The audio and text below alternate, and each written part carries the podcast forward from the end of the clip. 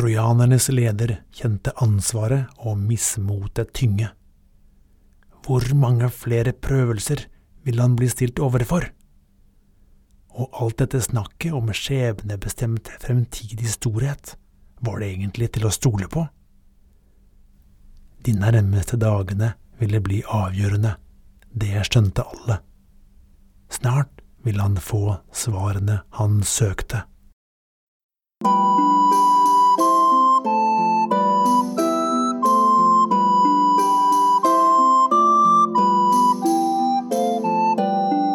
Velkommen til Helter og legender fra antikken, en podkast for alle. Episode 30, Eneiden, del 3 av 3. I forrige episode forlot vi de stridende partene ved trojanernes borg nede ved havet. Det første slaget er over, og mye blod er spilt. Gudenes konge Jupiter er oppgitt over alt surret, og mener menneskene får ordne opp selv. Vi stuper inn i handlingen igjen. Latinere har satt borgen under beleiring, og Eneas er ennå ikke kommet tilbake. Men eh, dette skal snart endre seg, for trojanernes leder har akkurat greid å få nok en alliert med på laget. Ingen ringere enn en konge fra nabolandet Etruria, som attpåtil stiller skip og soldater til disposisjon. De kan derfor bevege seg langt raskere enn før, og etter kort tid går Eneas i land like nedenfor borgen, i spissen for hundrevis av sterke krigere, klare til å kaste seg inn i kampen.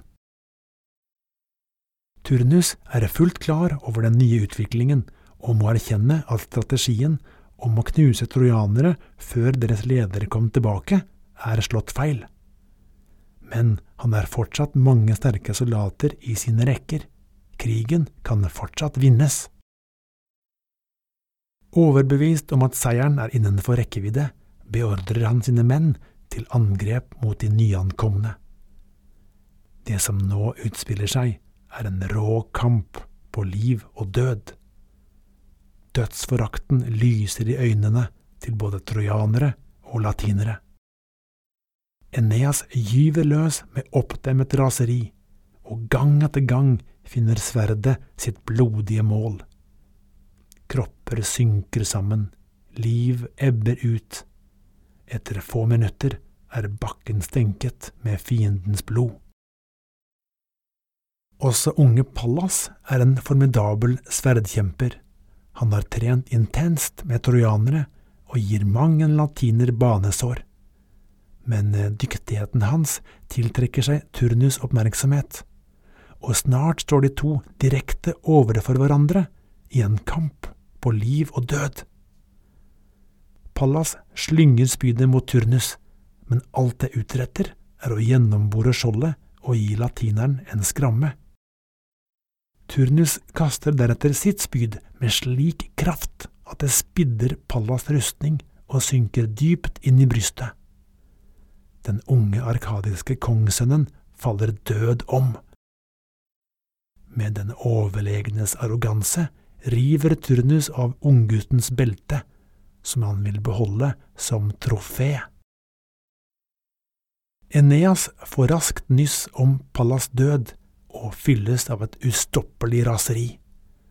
Han går på med fornyet kraft og hakker seg vei gjennom latinernes rekker.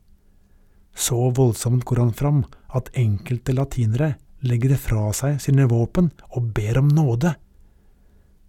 Men Eneas er urokkelig og i en rus av hevnlyst. Han sparer ingen, og skritt for skritt nærmer han seg Turnus. Gudene følger med på hva som skjer, og Juno, alltid klar for å hjelpe trojanernes fiender, begynner å frykte for Turnus' liv med kraftig magi og løfte om heroisk tvekamp med Eneas, greier hun å lokke Turnus om bord på en av båtene. Turnus er ingen feiging, og det er bare noe slikt som kan få ham vekk fra kampens hete. Men eh, alt er bare en diger luftspeiling skapt av Juno, og før Turnus innser at han er lurt vekk mot sin vilje, er det for sent.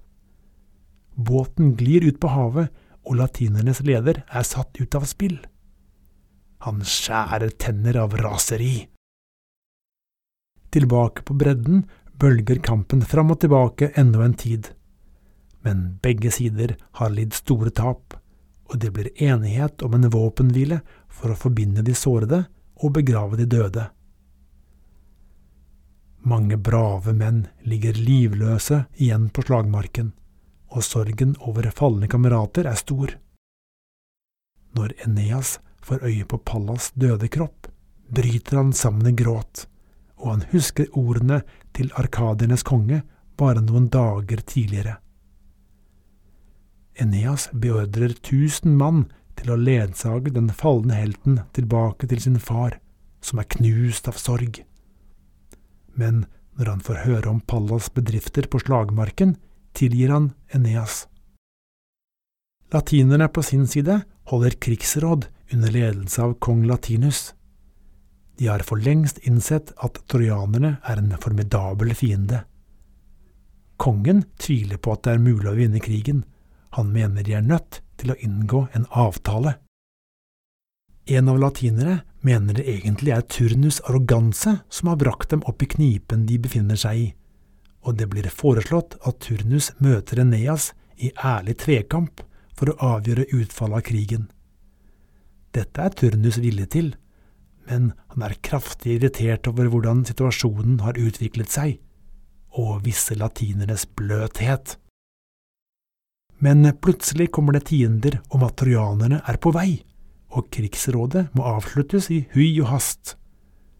Det fremkommer at angrepet kommer fra to kanter, hvor Eneas og hovedstyrken har valgt veien over fjellet. Situasjonen for latinere er langt fra ideell, men i det minste har de fått forsterkninger fra en gruppe kvinnelige elitekrigere under ledelse av den fryktinngytende Camilla. Camilla er ingen hvem som helst. Da hun var liten baby, måtte hennes far en gang flykte fra fiender, men da han utmattet befant seg ved bredden av en dyp elv, var gode råd dyre. Fiendene var rett bak, så hvordan skulle han komme seg over med det lille barnet? Løsningen var original, men risikofylt. Med raske bevegelser bandt han lille Camilla fast til spydet sitt og kastet det over til den andre bredden. Deretter svømte han over. Begge overlevde og kom seg unna, og dette ble starten på en oppvekst preget av trening i jakt og krigskunst. På sletta foran borgen setter de kvinnelige elitekrigerne mot i latinerne, og det trengs nå når det avgjørende slaget står for døren. Turnus samler sine menn og legger i vei mot Eneas opp i fjellene mens Camilla får ansvaret for å forsvare selve byen. De første trefningene starter. Camilla er en mester med spyd og pil og bue, og flere blir offer for hennes dødelige treffsikkerhet. Angriperne er altså uvant med kvinnelige krigere og nøler av og til et mikrosekund for lenge i kampen. Dette koster mang en trojaner livet. Kampen bølger fram og tilbake, men plutselig gjennombores Camilla av et velrettet trojansk spyd. Uten sin leder mister mange latinere motet og trekker seg tilbake bak murene. Et sendebud informerer Turnus om den vanskelige situasjonen, og han haster tilbake for å komme sine landsmenn til unnsetning. Eneas er like i på ham, men Turnus kommer seg i trygghet før natten faller på. Når solen igjen står opp over latinernes by, er de to partene klare til å fortsette kampen. Men eh, mange er lei av den brutale krigen og mener blodsutgytelsene har pågått lenge nok. Kan ikke utfallet heller avgjøres i strid mellom de to fremste kamphanene?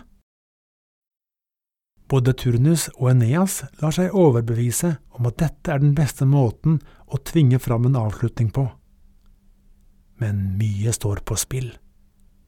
Hvis Turnus vinner, får han kongsdatteren Lavinia og vil arve et mektig kongerike.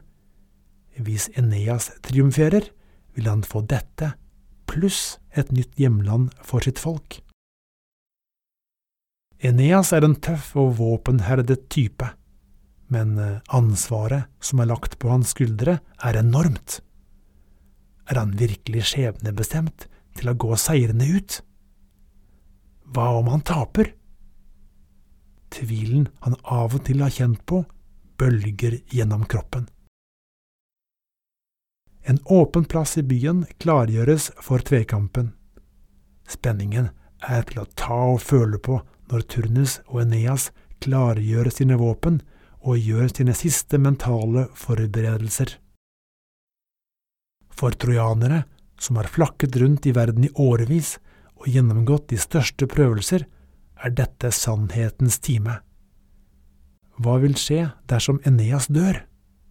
må de da igjen sette seil og fortsette letingen etter et nytt hjem? Når startsignalet gis, slynger de to motstanderne rasende spydene sine mot hverandre. Ingen av dem treffer. De gyver så løs med sverdene så gnistene fyker. Det stikkes etter hode, bryst, armer og bein. Ansiktene er fortrukket i krampelignende grin de vet begge at kun én vil se morgendagen. Plutselig brekker Turnus sverd, og han står forsvarsløs, og det med nød og neppe at en av tilskuerne rekker å gi ham et nytthet, før Eneas er over ham. Kampen fortsetter nådeløst mens tilskuerne holder pusten. Også tilskuerne på Olympen følger nøye med, og Jupiter, som egentlig hadde lovet å holde seg unna, bestemmer seg for å sende en fugl som plutselig dukker opp rett foran ansiktet til Turnus, mens den flakser med vingene og skriker. Med Turnus distrahert ser Eneas sin mulighet. Han slynger spydet med all kraft og treffer sin fiende i foten. Alvorlig såret faller Turnus i bakken, og Eneas er øyeblikkelig over ham med sverdet, klar til å gi nådestøtet. Eneas triumf er åpenbar for alle, men så skjer noe uventet. På fortvilelsens ytterste rand bønnfaller Turnus om nåde. Dette bringer Eneas ut av fatning, og et kort øyeblikk vurderer han å etterkomme ønsket. Men eh, så får han øye på Pallas belte, som Taurus har festet til skulderen sin. Mens Eneas blikk noen sekunder var en anelse flakkende, låses den nå i svart raseri og besluttsomhet. Med en kraftig bevegelse kjører han sverdet inn i Taurus' bryst. Stillheten på kampplassen er total. Det er klart for alle at trojanerne er seierherrer. De er nå full rett til å slå seg ned i Italia for godt. Snart vil de grunnlegge en by og et rike som varer i over tusen år. Et rike verden ikke har sett maken til, verken før eller siden. Slik ender Eneiden. Wow! Grekerne kunne sin historiefortelling, men romerne var sannelig ikke dårlige, de heller. Den skarpe tilhører vil sikkert legge merke til at det er flere likheter mellom Homers verker Iliaden og Odysseen, og Virgils fortelling om Eneiden. En kan trygt si at Homer ga mye inspirasjon til Virgil. Jeg heter Bjørnar Dahl Hotvedt. Jeg håper du likte gjengivelsen av Eneiden, et viktig litterært verk som dessverre er lite kjent i Norge. Ha det godt!